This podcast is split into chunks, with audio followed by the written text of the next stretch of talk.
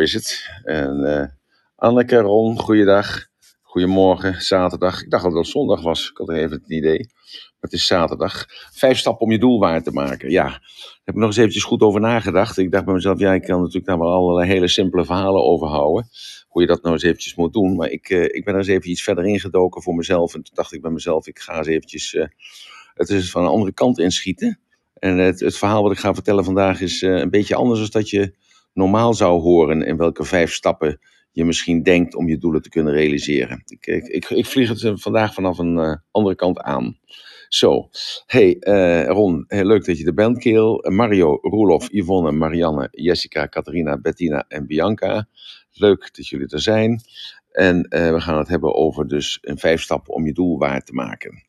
Is er iemand die naar boven wil komen, die al iets wil vertellen of die nagedacht heeft over datgene wat ik gisteren gevraagd heb? Hè, om uh, verschillende tijdstippen te doen de komende paar weken of de maanden. Uh, of terug te brengen naar één keer in de week of één keer in de, in de drie dagen. is er iemand nog die daarover nagedacht heeft of die iets wil vertellen daarover? Mag ook in de, in de backroom zijn natuurlijk, mag dat ook. als er iemand is die erover nagedacht heeft, nou dan dan komt hij graag naar boven toe en kan hij dat vertellen. Hallo Ellie, hallo Ingrid en Annemarie is er ook. Goeiedag. En uh, nou, als er iemand is die naar boven wil komen om even wat toe te voegen, dan ben ik daar natuurlijk heel blij mee.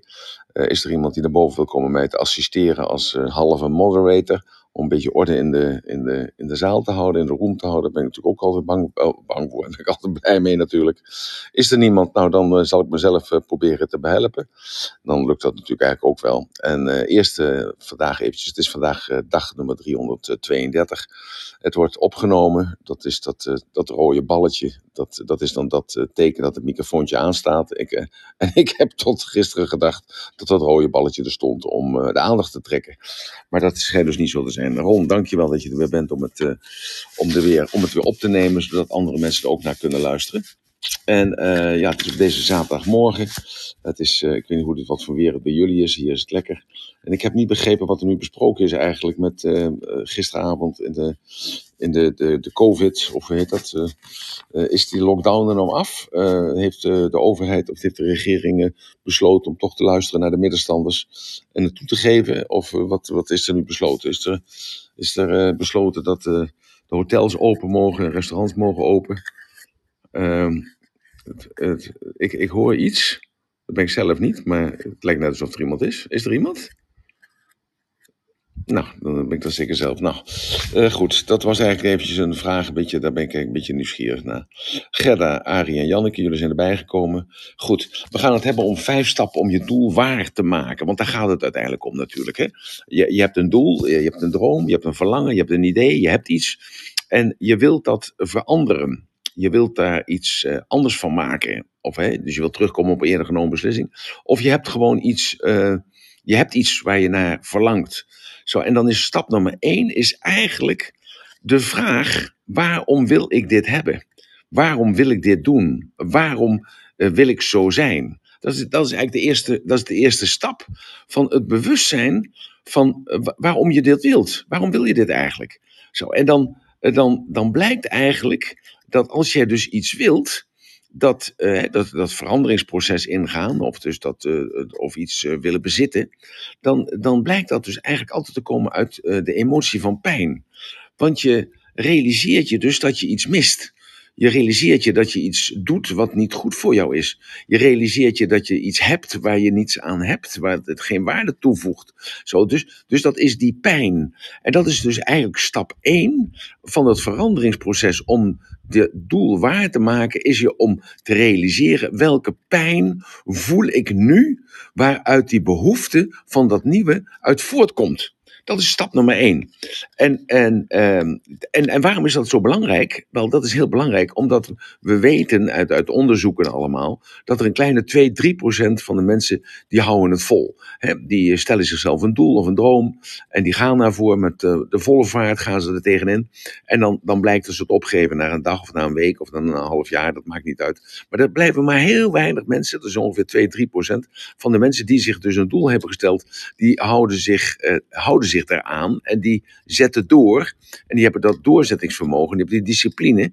En die, die blijven dat gewoon doen. Zo, en, en eh, dus eh, hoe komt dat? Dat komt omdat zij zich elke keer associëren met die pijn waarom ze willen veranderen. Zo, dus dat is natuurlijk heel belangrijk dat je dat realiseert. Het is, je- je wilt eh, naar een ander land. Ja, dat is omdat je het je niet bevalt in dit land. Je wilt van je relatie af. En dat, ehm, ik zou zweren dat ik iem- iemand hoor, zeg, op de achtergrond bij mij, maar ik ben alleen boven. Eh, horen jullie ook iets? Mag Roos, eh, hoor jij ook iets naast mij? Want dan mag je een vingertje opsteken gewoon. Dan of Norma, als je dan een vinger opsteekt, dan horen jullie ook wat. Eh, dus jullie horen niks, dus ik ben de enige die dat hoort. Nou, dat is wel heel raar. Oké, goed. Nou, eh, goed, dus het, het gaat om die pijn. Hè? En het gaat om die pijn dat je dus die herinnering levendig houdt. Dat je die ervaring levendig houdt. Dus als het geval is dat je opgeeft in die beslissing. Dat je dus denkt bij jezelf, ja, maar het, het groeit me toch boven de kop.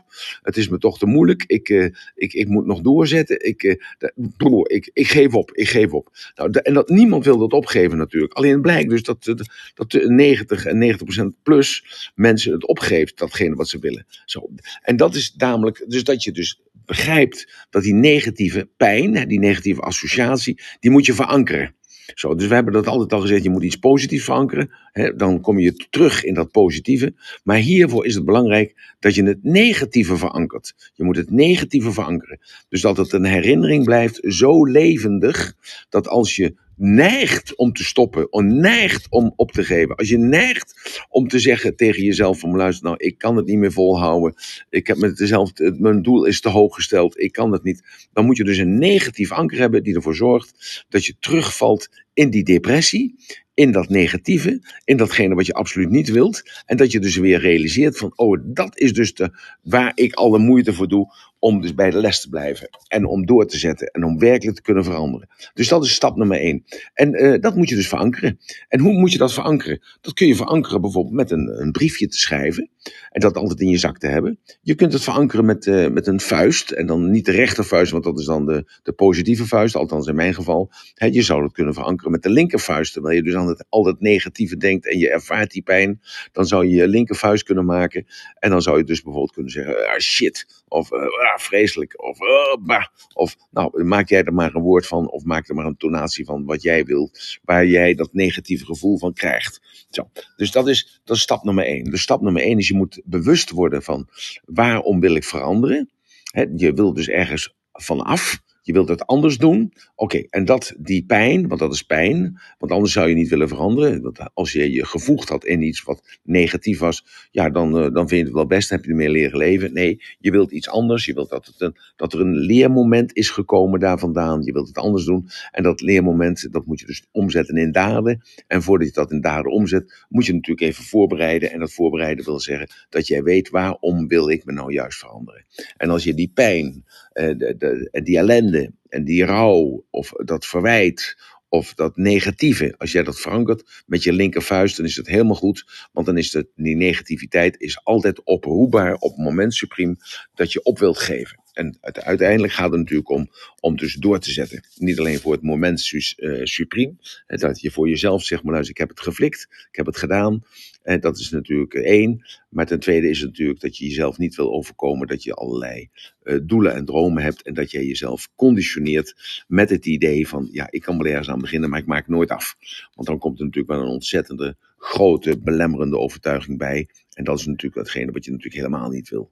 Zo, stap nummer twee is, hè, en stap nummer twee is, is, is helemaal niet iets van opschrijven of dergelijke. Nee, want het zit gewoon in je kop.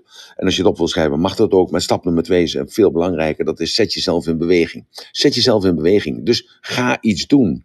Begin. Eh, start ermee. Eh, wat je wilt of niet, maakt niet uit. Eh, kijk om je heen. Wie, wat, waar, wie, wat, waar doet dit al? Wat jij hebt of wat je wilt hebben of zoals je wilt zijn. Waar is dat dan? Zo, anderen hebben dit al bereikt. En en hoe, hoe, gaan ze daar dan mee bezig? Wat hebben ze daar, daarvoor gedaan? Want waarom gaat het hier namelijk om? Het gaat erom dat als jij iets wilt, dat jij dus in beweging zet. En namelijk op het moment dat jij je in beweging zet, je begint gewoon ergens aan, je start ermee, dat zit gewoon in je kop, dan kijk je op een andere manier naar om je heen. En dan, eh, als je maar kijkt naar mensen die dat al gedaan hebben, die dus het leven van hun dromen in jouw perceptie al leven. En als je dus daarom, je daarmee mee omgeeft, geeft, ja, dan gaan we ook in één keer andere communicaties voeren. Dan gaan we andere gesprekken voeren. Zo, en als je dus daarmee omgeeft, dan laden zij jou in met energie. Want die mensen die dus dat al gedaan hebben, wat jij graag zou willen, of waar jij dus eigenlijk mee begonnen bent, want je bent in beweging gekomen, ja, die mensen die denken in uitdagingen, die denken niet in problemen, die denken in mogelijkheden, die denken niet in moeilijkheden. Ze weten wat het is om met teleurstelling om te gaan. Dat kun je van hen kun je dat leren. Want een winnaar heeft gewoon, gewoon, ja, die heeft geleerd om met de teleurstelling om te gaan. Ik heb je wel eens vaker gezegd, geluk is een kwestie van hoe ga je met ongeluk om. Want er is meer ongeluk dan geluk. En hoe ga je dan met het ongeluk om? En als je weet hoe je met het ongeluk om kan gaan, ja, dan voel je je gewoon gelijk weer gelukkig. Want dan heb je grip op je eigen situatie, heb je grip op je eigen persoon. En daar gaat het uiteindelijk om. Zo. Dus eh, als je met die mensen omga omgaat, dan leer je van hem zonder dat je weet dat je van ze leert. Ze weten hoe, hoe, het om, hoe je om moet gaan met jaloezie. Want op het moment, Supreme, dat jij je een doel stelt, op het moment dat jij werkelijk een wens hebt en je hebt gewerkt, je gaat ergens voor, dan zijn er mensen die trekken, willen jou terugtrekken. Die zijn mensen die zijn jaloers, die hebben het zelf ook geprobeerd, maar dat lukt op de een of andere manier. Zo. Met andere woorden, als jij dus in beweging komt, dus je gaat dus totaal even iets doen, gewoon uh, ja, van datgene wat jij wilt, zoals jij graag zou willen zijn, en je, je maakt die beweging, je maakt die movement, dan merk je al dat je je anders gedraagt. Dan zie je al dat je anders staat. Je hebt dan wel een andere ademhaling, je klinkt al, je klinkt in een andere stem en je hebt dan een andere uitstraling in je ogen. En dan trek je die mensen, trek je vanzelf aan, want soort zoekt soort, dat is nu eenmaal altijd zo geweest. Zo, deze mensen hebben dezelfde aard als dat jij graag zou willen zijn, maar wat in aanleg bij iedereen aanwezig is, alleen zij zijn gefocust op dat positieve, want zij weten één ding en dat is gewoon, we hebben mijn doelen hebben we al bereikt. Het is gewoon een kunstje, we kunnen dat. Uh, ja, dat kun je aan hen zien. Of ze hebben ook ooit eens een keer de beslissing genomen om, om anders te zijn. En op het moment dat je die beslissing neemt, en dat is energetisch, is dat gewoon zo. Op het moment dat jij de beslissing neemt van, ik ga het nu anders doen, ik heb een duidelijk omschreven doel. Ik heb een duidelijk omschreven taak. Ik heb een duidelijk omschreven voor mezelf waar ik wil zijn. Op dat moment stap je als het ware in het licht. Je stapt uit de duisternis en je stapt als het ware in het licht. Want het licht geeft hoop. Het licht geeft dat inzicht van, luister, het kan anders. En, en daarom begin je er ook aan. Anders dan, hè, als je heel negatief bent, dan begin je er niet eens aan. En dan, daarom is dat zo belangrijk om die stap te zetten. Dus om jezelf in beweging te zetten. En als je jezelf in beweging zet, ja, dan merk je dus dat er ander soort mensen om je heen komen. Als jij maar dus blijft geloven in dat, in dat eerste, en dat is dat je die pijn niet meer wil hebben. Dat je vanaf die pijn bent. Zo. Nou, en als je dus om die mensen omheen, uh, om je heen hebt verzameld, dan, uh, dan merk je dat zij zijn gericht op de toekomst en niet op het verleden. Zo, dat is ook weer een gemeenschappelijkheid van mensen die, die op doelen gericht zijn. Er zijn mensen die, die gericht zijn op de toekomst, die gericht zijn op het positieve. Die denken niet meer aan vroeger, die, vermij, die verwijten zichzelf niet meer wat ze gisteren fout gedaan hebben. Nee, ze kijken alleen maar naar vandaag en ze kijken alleen maar hoe ze morgen willen zijn. Zo, dat is een hele belangrijke eigenschap. En als je dus met die energie omgeven bent, ja, zeg maar wie uw zeven vrienden zijn, dan zal ik vertellen wie u bent. Maar als je omgeven bent met zulke soort mensen, ja, dan komt er een andere energie over jou. En als die andere, andere energie over jou komt, ja, dan, dan voel jij je aan jezelf, voel jij je ook gesterkt dat je niet alleen staat. Want je moet je voorstellen, je leeft in een bepaalde omgeving met bepaalde mensen om je heen. Ja, en op een, uh, ja, alles en iedereen is altijd tevreden geweest. En op een zeker moment zeg jij, ik ben niet meer tevreden, want ik voel me onge uh, ik voel ongenoegen, ik voel afwijzing, ik voel me gewoon niet tevreden, ik voel me energie los, le leeglopen. Dus allemaal is dat gewoon negatief. En die mensen die snappen daar helemaal niks van. Want die hebben zich gevoegd aan het leven wat zij, wat zij leiden. En jij wilt je niet voegen, jij wilt gewoon iets anders doen. Zo. En, en hoe je dat wilt, dat maakt niet uit. Dat is ook nog op dat moment helemaal niet belangrijk. Het gaat namelijk om dat op, jij, op het moment dat jij je in beweging zet, dat wil zeggen, je hebt die beslissing genomen dat je dat gaat doen. Je, bent dus, je staat in de startblokken, je bent eigenlijk al vertrokken, maar je staat in de startblokken en je weet wat je wilt. Ja, dan, dan, op, dan, dan zijn die mensen die, die voelen zich ook erkend. Want dat is zo soort zoek soort. Dat heb je met de Body Logic wel begrepen. Je soort zoek soort en mensen die, die gewoon helemaal gemotiveerd zijn om ergens voor te gaan. Die vinden het prettig dat er weer zo'n idioot, want zo is het dan eigenlijk in de ogen van andere mensen, dat er weer zo'n idioot komt die ook gelooft in de dromen en die gelooft ook dat je je dromen waar kunt maken. Zo. Nou, en als je dat hebt eenmaal, dus als je in de beweging komt en je zit met die mensen onder elkaar, je gaat naar een bepaald seminar, je gaat zelf bepaalde kranten lezen, je gaat bepaalde radioprogramma's beluisteren, je kijkt naar de televisie, maar dan merk je dus ook dat je scoop verandert, hè? dus je perceptie verandert, zonder dat je dat in de gaten hebt, enkel en alleen maar omdat je je omgeven hebt met ander soort mensen. Doordat je zelf in beweging bent gekomen, omdat jij die beslissing hebt genomen van ik wil die pijn niet meer ervaren. Zo, dat is stapje nummer twee. En nou stap nummer drie. Ja, en nou weet ik wel dat ik, uh, uh, dat wat ik nu zeg, dat, dat zullen velen van jullie zullen daar absoluut mee oneens zijn. Alleen uh, bij mij werkt het wel zo. En ja, en daarom, ja, daarom vertel ik het ook. Dat is misschien eigenlijk een geheim.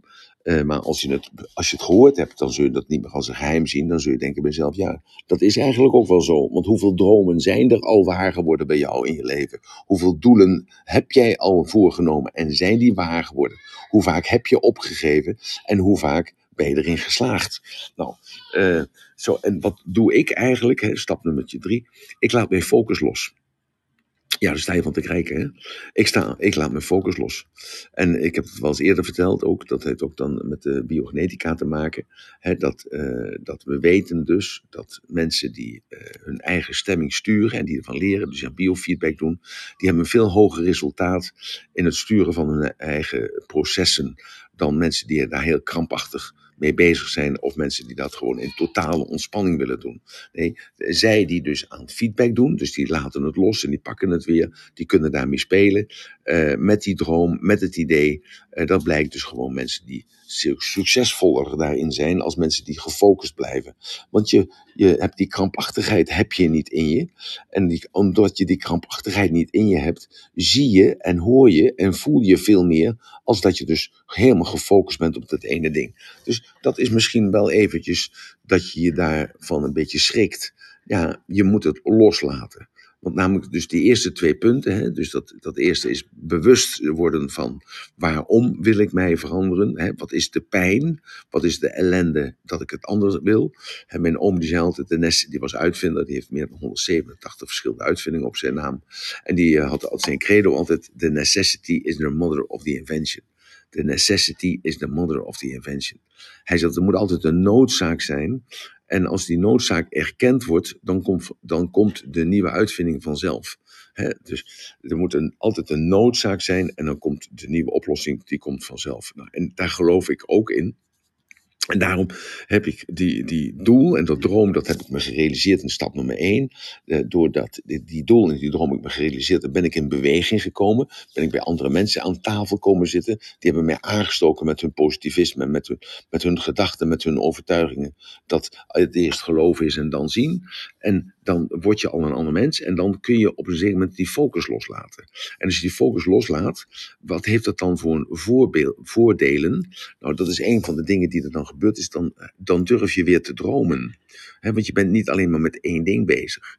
je, je, je krijgt er weer zin in. Je krijgt er weer zin in. Je gaat weer spelen. Je wordt weer ontspannen. Je bent zelfs lief voor jezelf, maar je bent ook lief voor andere mensen. Zo, je, je, je ademt nieuwe pulsen in. Het is een nieuwe omgeving. Je geniet gewoon overal van.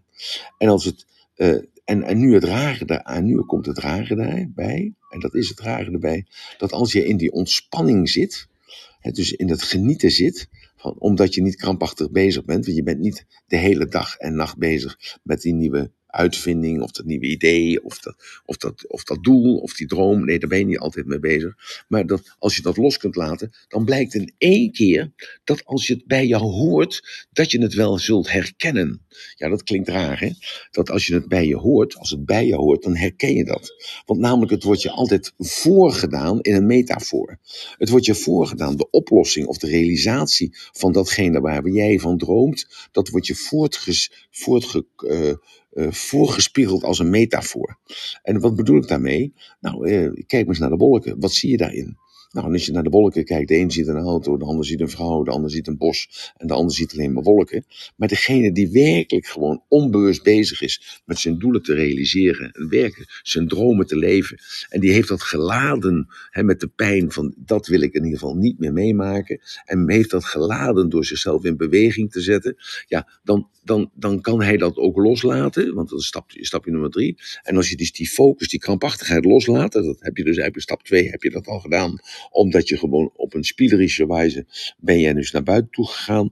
Dat als je die focus loslaat, ja, dan, dan komt eigenlijk alles vanzelf naar je toe. En dan zie je dus het voorbeeld, dan zie je dus de, de oplossing, dan zie je de handelswijze van het uitstellen van die, uh, van die droom, die, die komt dan vanzelf. Zo, dus dat is de, de stap die belangrijk is. Dus het, uh, de beslissing die je neemt, zet jouzelf al in het licht. En dat is, dat is dus even iets wat je moet blijven onthouden. dus het komt niet van niets, het komt dus uit die pijn. En het opgeven, wat mensen, wat mensen dan eigenlijk zouden doen, dat komt altijd vanuit een bepaalde overtuiging. Dat, hè, want uh, je, je zegt tegen jezelf, ik heb het al zo vaak geprobeerd. Of uh, ik, ik kan het niet. Uh, het is me te, te veel. Of ik eis te veel van mezelf. Uh, ik heb geen opleiding op het verkeerde seksen. Of ik kan niet visualise visualiseren. Ik ben er nog niet aan toe. Uh, ben ik er wel goed genoeg voor? hoe, en, en hoe verander je dan die overtuiging? Dus even eventjes terug naar die stap nummer één. Hè?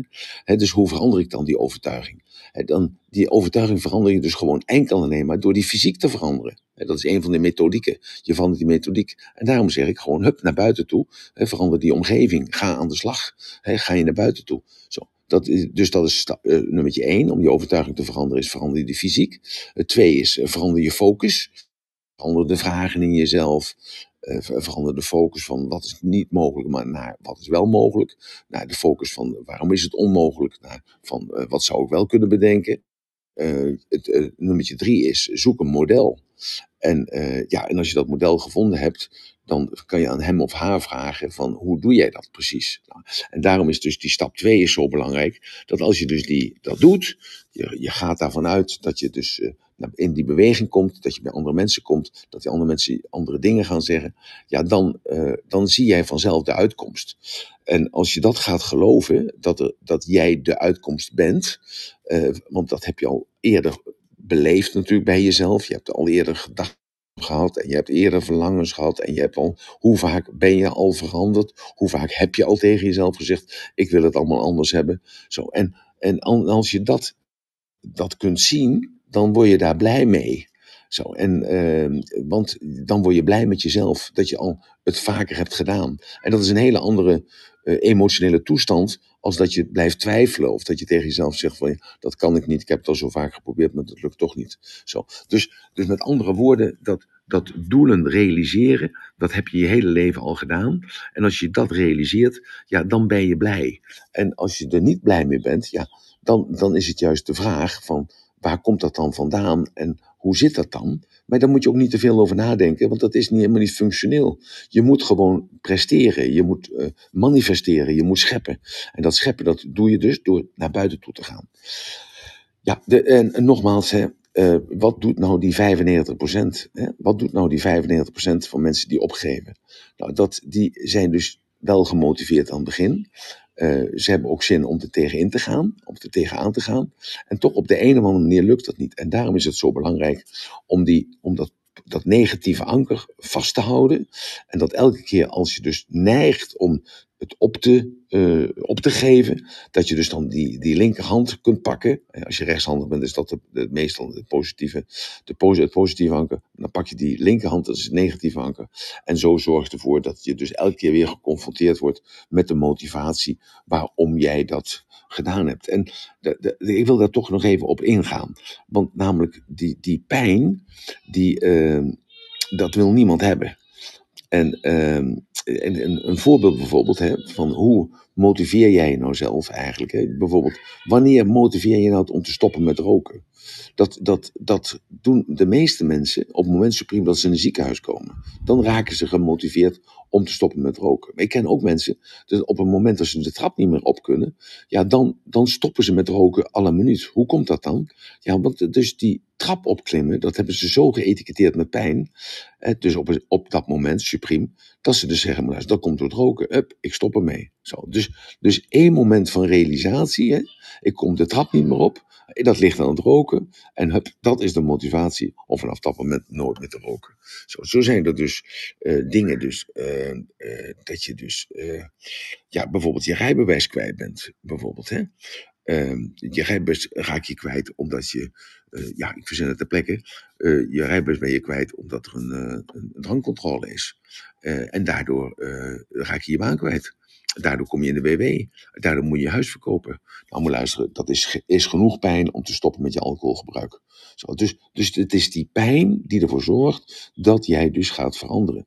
Of bijvoorbeeld uh, iemand wil je huis verkopen, een crediteur, iemand die, je nog wil betalen, die probeert je huis te gaan verkopen.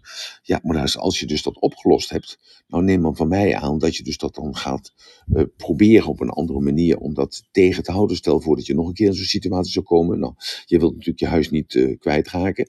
Nou, wat kun je dan doen bijvoorbeeld vanuit die basis, dat je je huis niet meer wil verkopen vanuit die pijn, dat is een hogere hypotheek afsluiten. Want namelijk, hoe hoger de hypotheek je hebt, hoe minder kans dat je maakt dat die crediteur je huis zal willen verkopen, omdat er geen geld over is. Zo, nou, bijvoorbeeld, uh, ik heb zelfs een keer meegemaakt dat, uh, uh, dat een keer beslag gelegd op een, op een bankrekening van me. Heel raar verhaal, maar het is echt gebeurd, jaren, jaren geleden. En als er beslag wordt gelegd op je bank, dan kun je dus niet meer betalen. Dat is, dat is een heel vervelende situatie. Er kan er wel geld inkomen, maar uh, je kunt het niet meer afhalen. Althans, het bedrag van op dat moment. Wat, uh, wat is mijn les daarvan geweest? Hè? Ik, ik, had er zoveel pijn van. Ik ben naar de bank geweest, kan dat beslag er niet af en dergelijke. Nee, dat kon niet. Er moest eerst rechtszitting komen. Nou, dus wat heb ik gedaan? Ik heb, uh, vanaf dat moment heb ik vijf verschillende bankrekeningen heb ik geopend. Zo, dus als er dan beslag gelegd wordt, wordt er beslag gelegd op één bank en nooit op alle vijf tegelijk. Dus dan blijf ik, blijf ik in ieder geval liquide. Uh, je, ik, ja, ik heb een paar keer meegemaakt dat uh, de partner het huis verlaat en een kind meeneemt. Ja, wat, uh, wat heb ik daarvan geleerd? Nou, ik heb ervan geleerd dat ik het nu de dag een beetje anders regel. En, maar dat komt ook voort uit pijn en daardoor blijf ik me inspannen om het dus op een andere manier te doen. Of bijvoorbeeld wat ook heel veel mensen hebben, ik heb zelf ook een keer een beetje ervaren. En dat was dat mensen bang voor me zijn. En um, ja, daarom geef ik dat voorbeeld, geef ik dan toch maar eventjes. En dat stoten mensen af. En ik had er zoveel pijn van, dat ik uh, dacht bij mezelf, ja, hoe kan dat nou? Ja, dat die pijn dus de, de, de grote uh, motivator werd om juist een andere soort communicatie uh, te gaan leren. Dus met andere woorden, die pijn is dus de hefboom. Dat is de hefboom die de kracht mobiliseren om te veranderen. Dus dat is, als je dat realiseert, hè, dat, dat die pijn dus noodzakelijk is, want die wordt dus de hefboom om dus die kracht die in jou zit, om die te mobiliseren, om dus die kracht te hebben en te houden, om dus te veranderen. De pijn is het gevolg van een beslissing. En uh, dat is ook nog eventjes iets. Uh, wie heeft die beslissing genomen? die, heb je zelf genomen. Zo. Was die beslissing dan fout? Uh, nou, dat hoeft helemaal niet. Uh, want misschien heb je wel een onbewuste beslissing genomen. Zo, uh, misschien was je er nog wel niet aan toe. Misschien was je nog niet toe aan verandering. Dus dat, dat zou kunnen toch? Dus, dus daarom is het fout gegaan, die keer. En deze keer gaat het goed, want nu ben je er wel aan toe. Dus met andere woorden, ja, die ander die kan jou niet begrijpen. Jij kunt alleen maar jezelf begrijpen. misschien leefde je wel in een verkeerde tijd, een verkeerde plaats een verkeerde omgeving. En de beslissing die je nog dat je, die je moest nemen, dat je daar nog niet klaar voor was. Dus ik wil alleen maar zeggen, het zijn allemaal negatieve associaties. En al die negatieve associaties, dat zijn associaties van pijn en van verdriet en van ellende. En in ieder geval, jij wil daar nooit meer komen. En omdat jij er nooit meer wil komen, heb jij een beslissing genomen dat jij het dus nu op een andere manier gaat doen. En daarom ja, blijf ik daar eventjes in hangen en wil ik dat gewoon duidelijk gewoon zeggen dat die stap nummer één is dat je dus moet weten waarom je wil veranderen. Dat is heel belangrijk. En dat je dus die pijn, dat je realiseert dat dat pijn is. De tweede is, je moet jezelf in beweging zetten. En stapje nummer drie is, je moet de focus loslaten. Dus je moet niet krampachtig bezig zijn met op dat doel te bereiken, hè, uh, maar je moet het loslaten. Nou, stap nummer vier, dat is ook een hele rare, uh, want de meeste mensen doen dat niet. En dat is ook een, ook voor mij is dat in ieder geval een reden waarom ik zou falen. En uh, met, met bereiken van mijn doelen. En wat is nummer vier? Nummer vier is, je moet al jouw kennis delen met andere mensen. Je moet al jouw kennis delen met andere mensen. En waarom moet je al jouw kennis delen met andere mensen? Want namelijk, wat, dicht, wat je dichtbij je houdt, dat wordt niet groter. Zo, alles wat je dichtbij je houdt, dat wordt niet groter. Daarom moet je er afstand van nemen. Ja, doordat je het eh, geeft aan andere mensen, um, ja, terwijl je misschien bang bent dat ze het kapot zullen maken of dat ze het kopiëren. Nee, doordat je afstand neemt en het aan andere mensen deelneemt, ja, uh, laat je van je horen en laat je andere mensen zien hoe het anders zou kunnen. Waardoor jij uh, dus die plezier creëert dat je andere mensen gaat verbazen met iets heel simpels als een denkpatroon wat jij hebt gecreëerd vanuit die pijn. Zo, dus, dus met andere woorden, als je die kennis deelt met andere mensen, dan deel je het plezier. En dan wordt het plezier wordt groter. En als je dus dat begrijpt dat het plezier groter wordt, dan wordt die strijd ook groter tussen de waarden van af. Hè? Dat hebben we het gisteren of eergisteren over gehad. Dat de waarden van af zijn. Dus dat zijn dus ideeën waar, wat je, waar jij niet wilt komen. En daar zijn eh, waarden naartoe. En dat zijn de de tijden, dat zijn de zaken waar je naartoe wilt gaan. Zo, en als je daar een, een bepaald krachtenveld in hebt, eh, in hebt gecreëerd, dat er dus een bepaalde kracht is van, waar je van je van afgaat, dan is dat motiverend, omdat het vanaf is. En je hebt waarde naartoe. En dat is ook motiverend als je realiseert, want dat trekt als het ware, trekt hij dat aan. Zo. En zo creëer je plezier. En omdat je dus dat plezier creëert, en het, eh, de afstand van neemt, uh, verandert dus die werkelijkheid, verandert dat de oplossing van dat doel verandert. Dat, dat is iets raars wat daar gebeurt. Uh, doordat je de afstand van neemt, objectiveer je meer. En je hebt het losgelaten, want je bent er niet altijd mee bezig. Maar onbewust gaat er wel iets van start. En dat onbewuste, dat zoekt namelijk de oplossing. En die oplossing, die is er namelijk. Die oplossing, de vervulling van dat doel, hoe je daar moet komen, dat wordt jou vanzelf aangereikt. Dat, dat gaat gewoon vanzelf. Hoe raar dat ook mogen klinken. Als ik in mijn eigen leven nadenk wat ik allemaal gedaan heb en wat voor doelen en dromen ik had. En elke keer heb ik deze strategie vastgehouden. Ik heb het losgelaten. En, uh, ja, en op het moment dat je het loslaat, dan komt het eigenlijk naar je toe. Dat, dat is ook een ontzettende grote paradox. Maar op, en dat eh, probeer ik nu net uit te leggen. Dat op het moment dat je het loslaat, je deelt het met anderen, dan ben je al zo moedig. Want je, als je het loslaat en je deelt het met anderen, dan kun je alleen maar, als je overtuigd bent van je eigen gelijk, dat kun je alleen maar doen als je overtuigd bent van dat deze doelen dromen worden. Dus, en als je dus dat durft, dan neem je er afstand van en dan kun je objectiveren en dan kijk je op een andere manier naar datgene waar jij naartoe wilt. En dat wordt geassocieerd met emotie van pijn, eh, met plezier, excusez. Dat wordt geassocieerd met emotie van plezier, omdat je die emotie van plezier eh, eh, beleeft, omdat je de moed hebt om het tegen anderen te zeggen. En de angst kunt verdrukken van, ja, misschien gaan ze wel aan de haal met mijn product. Of misschien gaan ze met mijn product verkopen ze dat wel. En dan, schiet, en dan, dan zit ik ernaast. Nee, allemaal kletskoek, dat gebeurt namelijk helemaal niet. En als het wel gebeurt, dan moet het ook ergens goed voor zijn. Maar dat is de stap nummer vier. Je moet je kennis moet je delen met andere mensen. Nou, denk gewoon hoe het heb gedaan. Misschien vinden jullie dat leuk om, om dat te horen. En als ik dan even denk over bijvoorbeeld over die documentaire hè, die, nu gedraaid wordt. Um, een jaar of twee geleden sprak ik daar al over. Want iemand had ooit een keer gezegd tegen mij: Nou, het lijkt me leuk om een documentaire over jou te maken.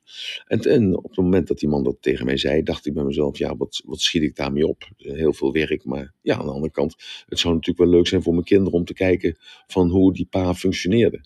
En ik ben erover gaan praten. Ik ben erover gaan praten.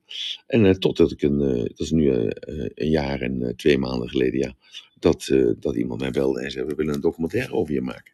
En eh, dat is niet van de ene dag op de andere dag gegaan. Zij wilden dat maken en dan wilden ze dat verkopen. En dat verkopen lukte niet. Toen zei ik op een gegeven moment van nou, dan betaal ik toch wel de, wat de kosten zijn. Nou, dat vonden ze wel fantastisch. En, uh, ja, en toen op de een of andere manier waren we daarmee bezig. En we hadden een conflict over de prijs. En ja, hoe moet het geld beheerd worden en dergelijke. Nou, eh, kortom, uh, toen stopte dat weer. En op dat moment toen het stopte, toen kwam er dus een, uh, ja, via een camera, bleek achteraf, kwam er een, streamingdienst, dus de Videoland, die kwam met dat idee aanzetten. Maar die hadden dat gehoord van die cameraman. En die cameraman die had verteld dat hij zo enthousiast was. En die cameraman had verteld dat hij gaat het zelf financieren. Waardoor zij dus bij Videoland erover gesproken had van ja, dat kan toch helemaal niet. Want dan maakt hij een soort promo voor zichzelf en dan zullen, kunnen wij die wel nemen achteraf. Maar die kwaliteit willen we niet. Dus weet je wat, we benaderen hem en wij gaan betalen. Nou, dat is een, voorbeeld van hoe ik deze stappen heb gedaan. Van de, in deze vier stappen. Zo. En uh, ik weet nog wel dat ik uh, mijn bakkerijen had. Of bijvoorbeeld, nee, ik ben nou bezig hier met uh, twintig huizen te bouwen. Nou, ben ik een aannemer? Nee, ik ben geen aannemer. Ben ik een timmerman? Nee, nog een timmerman.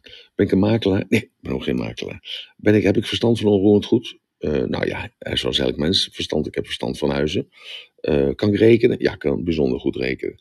Heb je communicatieve kwaliteiten? Ja, ik heb communicatieve kwaliteiten. Hoe kom je dan bij die 20 huizen? Ja, dat was een vriendje van mij die zei tegen mij: van ik heb een stuk grond staan. En God moet luisteren, weet je wat? Uh, jij, jij bent nogal van, van vele markten thuis. maak jij be, begin jij mij te bouwen met die 20 huizen? Maar wat gebeurt er nu? terwijl ik daarmee bezig ben, komt er iemand naar mij toe. Nee, ik, eh, ja, ik kom er iemand naar mij toe. We hebben een gesprek, hartstikke leuk verhaal. Uh, die man die nodigt mij thuis uit. Ik kom bij die man thuis. We komen in gesprek. Hij vertelt, uh, ik vertel hem wat ik aan het doen ben met die 20 huizen. Hij zegt, nou, ik heb hier nog, nog drie hectare grond om op A1 locatie liggen. God, zou je dat niet willen kopen? Ik zeg, nou, ik, ik, zeg, ik weet niet wat de prijzen zijn. Ik zeg, ik, ik, ik doe dit. Ik vertel hem dat verhaal van die 20 huizen nog een keer.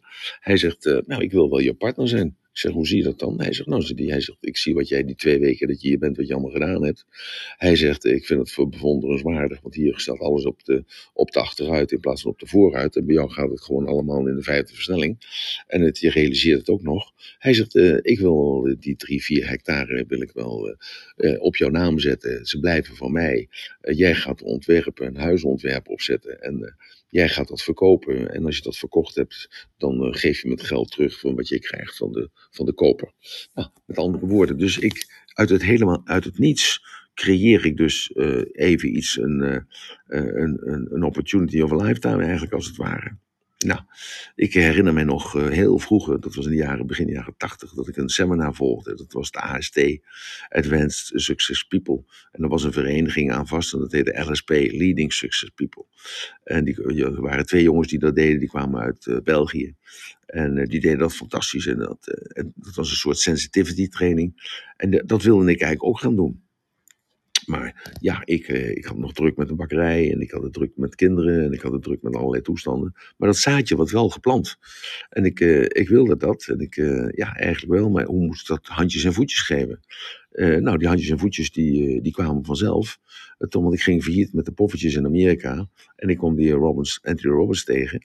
En ik, ik zat bij de Robbins in de zaal. En toen werd alles in één keer duidelijker dat dus dat cement van die poffertjes en dat die, die reis helemaal van, uh, van Vancouver uh, met, de, met de auto naar beneden naar Los Angeles noodzakelijk was geweest dat ik dus die Anthony Robbins tegenkwam. En dat die Robbins tegen me zei van, nou, dat doe je hartstikke goed. En dat ik aan hem vroeg van, gods kan ik je modelleren? En ja hoor, dat kon allemaal. Zo met andere woorden, al die stappen die ik me net verteld heb, die ben ik zelf niet één keer, maar meerdere keren doorgegaan. En uh, ja, ik denk wel dat ik toch wel een voorbeeld zou kunnen zijn voor heel veel mensen.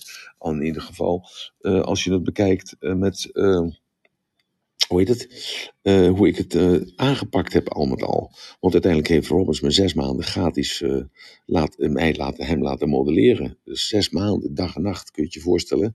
Ik krijg vandaag de dag nog wel eens willen modelleren en dan ook een blijven. Maar als ik dan vertel hoe de dag schema eruit ziet, dan haken ze eigenlijk allemaal uit. En uh, hoe kwam het nou dat Robinson voor mij geporteerd was? Nou, hij herkende zich in mijzelf, in mij. hij herkende zich in mij. Ook als een, als een jonge, actieve gozer die zijn doelen nastreefde en die niet wist hoe hij het moest doen. Uh, het liet dat alleen maar onbewust, liet hij het los. En doordat hij het onbewust losliet, ja, was de, kramp, de verkramptheid was weg. En doordat de verkramptheid er weg was, was het allemaal lachen, brullen. En leerden we gewoon van elkaar. Zo, nou, als hier vragen over zijn, dan hoor ik het graag.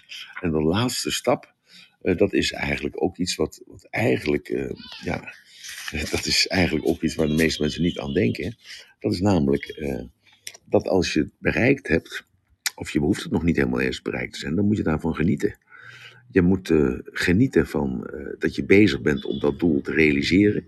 Uh, je moet ook tegelijkertijd genieten van dat je dus dit succesvol doet. Want je voelt je succesvol. En dat je dus dan gelijk het volgende doel en de volgende droom na gaat jagen. Want je weet dat het ontspannend is. En tegelijkertijd is het ook inspannend. Het is discipline en het is ook loslaten. Het is focus. En tegelijkertijd uh, is het uh, ook gedefocust. Het is intens en het is tegelijkertijd vrijblijvend. Het is doorzetten en het is ook loslaten. Het is fouten maken, maar het is ook overwinningen. Het is alleen zijn, maar het is ook samen zijn. Het is harde arbeid en het is zachte arbeid. Het is verdrietig en het is blijdschap. Het zijn moeilijkheden en er zijn mogelijkheden. En uh, je bent alleen of je doet het samen. Maar er is altijd een weg. He, begrijp je? Dus, uh, en daarom zijn al die cursussen die je dan volgt om een doel te bereiken, dan is het zo makkelijk, uh, want die hebben altijd één dingetje, één item. En die zeggen dan de vijf stappen, of de drie stappen, of de zeven stappen tot succes. En dan, dan denk ik bij mezelf van, ja, uh, is er dan maar één manier? Zijn er, zijn er dan maar drie stappen, of zijn het vijf stappen, zijn zeven stappen? Nee, het is altijd hun manier. Nou, en dan dan, dan ben ik eigenlijk altijd, maar dat doe ik ook altijd bij adviseurs, of dat nou een accountant is, of het is een aannemer, of het is een architect, of het is een, een installateur, of het is uh, een coach, dan vraag ik altijd naar resultaten. En ik, uh, ik vraag naar die resultaten en ik kijk naar die resultaten. En ik, uh, en ik check of het juist is. Ja? Of dat het fake is. En dat het fake is, dat het gewoon crap is. En, want uiteindelijk is de taste of de pudding is eigenlijk de proof of the pudding, toch? Zo, dus dat, dat doe ik eigenlijk ook altijd. Met andere woorden, uh, check en recheck. En als iemand iets verkoopt aan jou, op wat voor manier dan ook, dan wees dan kritisch en kijk eerst eens naar de resultaten die hij of zij doet. Zo, dus dat zijn de vijf stappen voor mij om een doel waar te maken. En ik wil die nog eventjes herhalen voor jullie dan. Hè, dus dat je dat, dat je, je neemt die beslissing en de beslissing is van ik, ik ga dus iets anders doen. Ik, uh, ik neem een, een beslissing om iets waar te maken.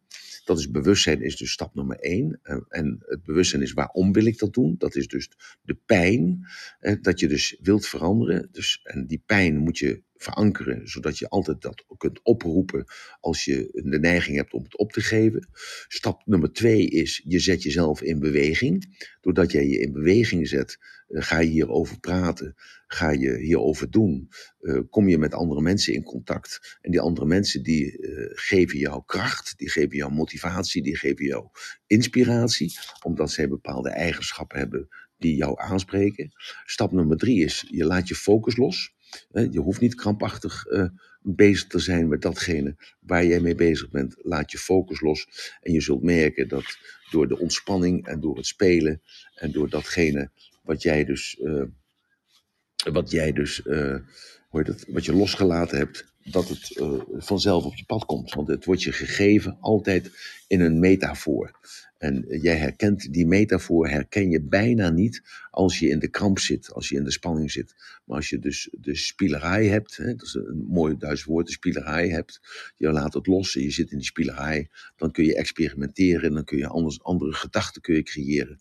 En doordat je die andere gedachten creëert, herken jij in één keer, al is het maar een woord. Ik vertelde dat gisteren nog, uh, gisteren of eergisteren nog, oh ja, ik vertelde tegen die Mario, uh, dat ik uh, bezig was met ik, uh, ik had een bakkerij verkocht en ik was bezig om duizend paar uh, hoe heet dat, velgen, hele mooie aluminium velgen, te laten maken in Napels. En ik loop in Napels en ik, en ik, daar staat een, een zaakje en die is ongeveer 2 bij 3 meter of 4 meter. Heel klein, midden op het San Marco-plein daar in Napels. En ik, ik zie daar zes man in staan in die, in, dat, in die pizza winkel. En de een stond te bakken, de ander stond te maken, de ander stond te verkopen, de ander stond te, eh, in te pakken, de ander die was aan het, aan het afbakken en de ander die, die gaf het over. En ik zag in één keer dat je het op zes vierkante meter, dat je daar makkelijk met acht man kon werken. En die metafoor die heb ik gebruikt om de haphoek te, te maken. Zo, dus uh, dus het, het sluimerde in mijn gedachten. Maar toen ik dat zag, herkende ik de metafoor. Dat je dus moet blijven staan en dat je niet moet lopen. En als je blijft staan heb je minder meters nodig. En uh, als je uh, rekent op, uh, op A1-locatie, je dat midden in Amsterdam of midden in Arnhem of Utrecht. Dan moet je rekenen dat de vierkante meter kost ongeveer een kleine 10.000 euro de meter per jaar. Zo, dan weet je dat, uh, wat het per dag kost. En als iemand dus gaat lopen, of je hebt de wc op die dure meters, of de mensen moeten binnenstaan, dan realiseer je dus met hoeveel geld je speelt eigenlijk als het ware. Dus, dus het gaat er even om dat je de metafoor begrijpt. En je begrijpt pas dan de metafoor als je het losgelaten hebt, als je niet krampachtig mee bezig bent. En dat je dus gewoon daar heel nuchter over na kunt denken. En dan uh, als vijfde is uh, geniet van het succes. Want namelijk uh, het genieten van het doelen bereiken is gewoon zo leuk. Maar het genieten van de bezig zijn met die doelen te realiseren is misschien nog wel leuker. En je weet gewoon dat je daarna weer een ander doel zult hebben. Wat ook weer voortkomt uit pijn of um, twijfel of uit foutief handelen of uh, van een bewustzijn moment dat je denkt bij jezelf, zo moet het niet verder. Nou, ik hoop dat hier vragen over zijn. En uh, dat er iemand naar boven wil komen of zijn hand op wil steken. Even naar beneden rollen. Ja, ik rol even naar beneden. Zijn er vragen hierover? Of opmerkingen? Of vind je het makkelijk? Hè? Of te makkelijk misschien wel? Ja, dat zou kunnen, maar dat is ook denk ik de bedoeling. Ik was vanochtend was ik met de hond buiten en toen dacht ik bij mezelf zo um, eventjes, uh, toen dacht ik bij mezelf, ja, ik, ik dacht er natuurlijk hierover na, hè.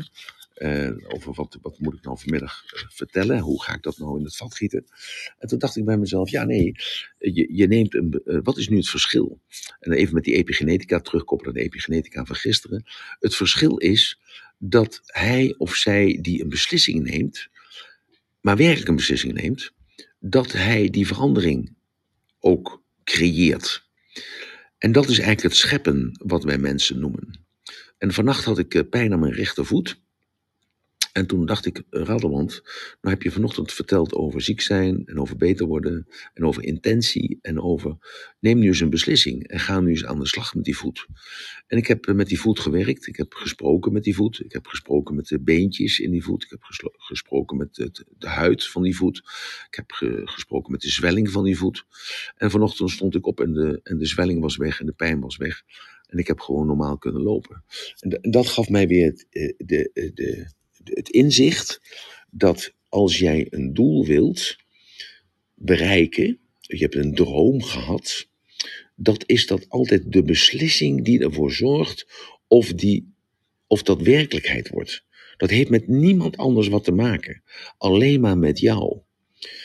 En alleen de meeste mensen zijn geconditioneerd om vaker een beslissing te nemen en die niet na te komen. Of vaker een doel uh, niet na te streven, maar ermee te stoppen. Hè? Want dat is dus die, die, die 95% plus mensen die ermee stopt halverwege. En op de een of andere manier weet jouw lichaam, weet dat. Hè? Dus die, die weet van hij aarzelt. Dat is die overtuiging. En daarom is het zo belangrijk om de mechaniek van dus de, de persoon die die doelen stelt en die die wel bereikt, heeft ten opzichte van de mensen die juist opgeven. Want hij of zij die een beslissing neemt en die hij of zij die zich daaraan houdt, die creëert het ook. Die creëert dus op epigenetisch niveau, hè, want dat is dus, hij, maakt, hij neemt bezit van zijn onmetelijke potentieel en hij creëert het, want het komt hem toe. En dat is eigenlijk het goddelijke. Het goddelijke is dat jij uit de duisternis komt en jij gaat dus in het licht staan door die beslissing. En doordat jij in het licht gaat staan, laat je de duisternis achter je. Ik vond het zo'n fantastische mooie beeldspraak vanochtend toen ik de hond uitliet. Ik dacht mezelf, en zo is het wel. Als jij een beslissing neemt, ik stop nu met roken.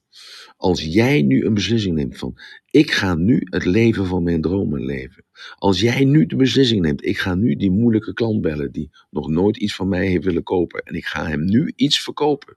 En jij, en jij zegt dat op de manier zoals ik dat nu tegen jou zeg, maar je zegt dat tegen jezelf, hè, op jouw geëigende manier, dan verandert er iets in jou.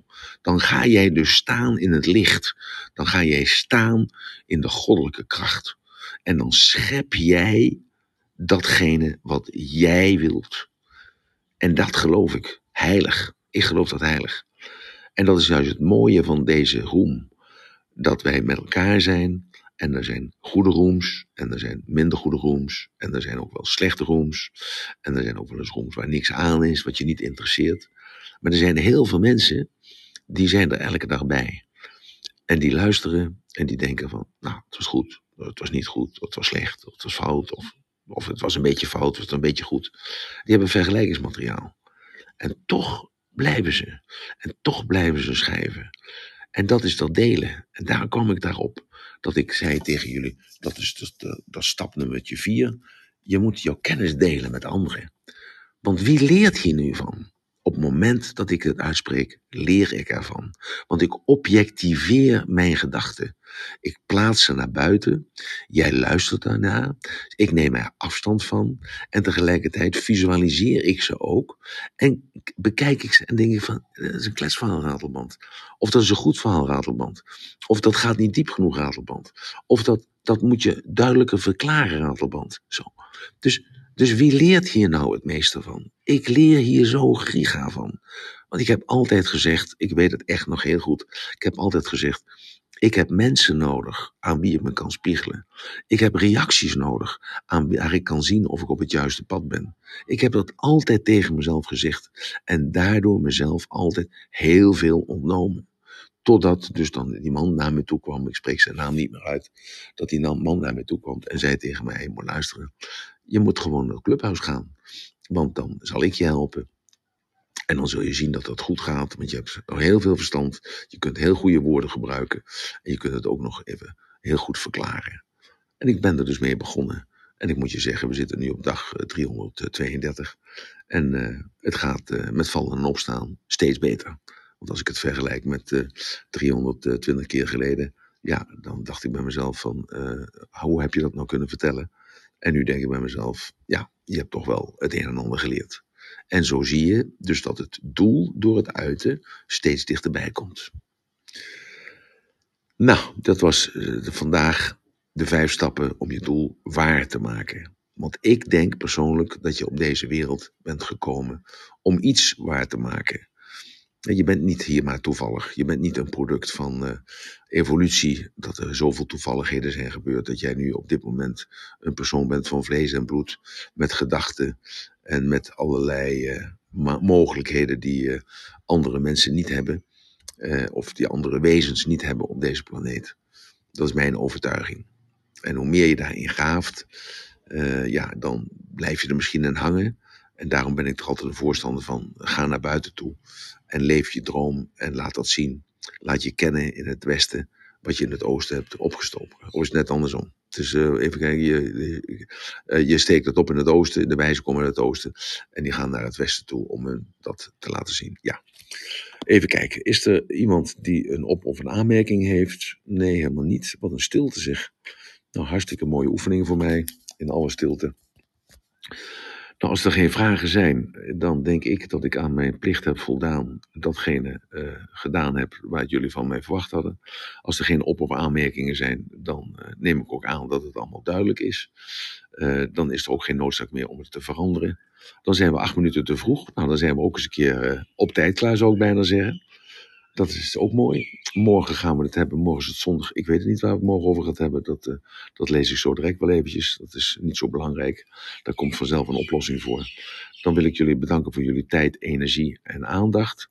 En het ratelbandje voor vandaag is dat jij nou moet eens na gaan denken over datgene wat pijn is in jouw leven. Hè? Wat is pijnlijk in jouw leven? Is dat het bezit? Of is dat niet het bezit? Is dat de relatie of is dat niet de relatie? Is dat het sociale omveld of is dat niet het sociale omveld? En misschien als je daar nou eens over nadenkt, hè, wat, waar je niet gelukkig in bent, dat, of niet tevreden in bent, of waar jij vindt dat het eigenlijk anders moet, en je hebt er altijd een andere, een, altijd een excuus voor gehad om daar niet aan te beginnen, bedenk dan nu maar eens bij jezelf van waarom je het wel zou moeten veranderen. Want er is maar één reden om het te veranderen. En dat is gewoon om jezelf te bewijzen dat jij kunt scheppen, dat jij kunt creëren en dat jij kunt manifesteren met jouw brein en met je lijf en met alles en alles wie jij bent. Ik wens jullie een hele mooie dag vandaag. Ik hoop jullie morgenochtend om 9 uur weer hier te mogen meemaken in deze room. Dank jullie wel.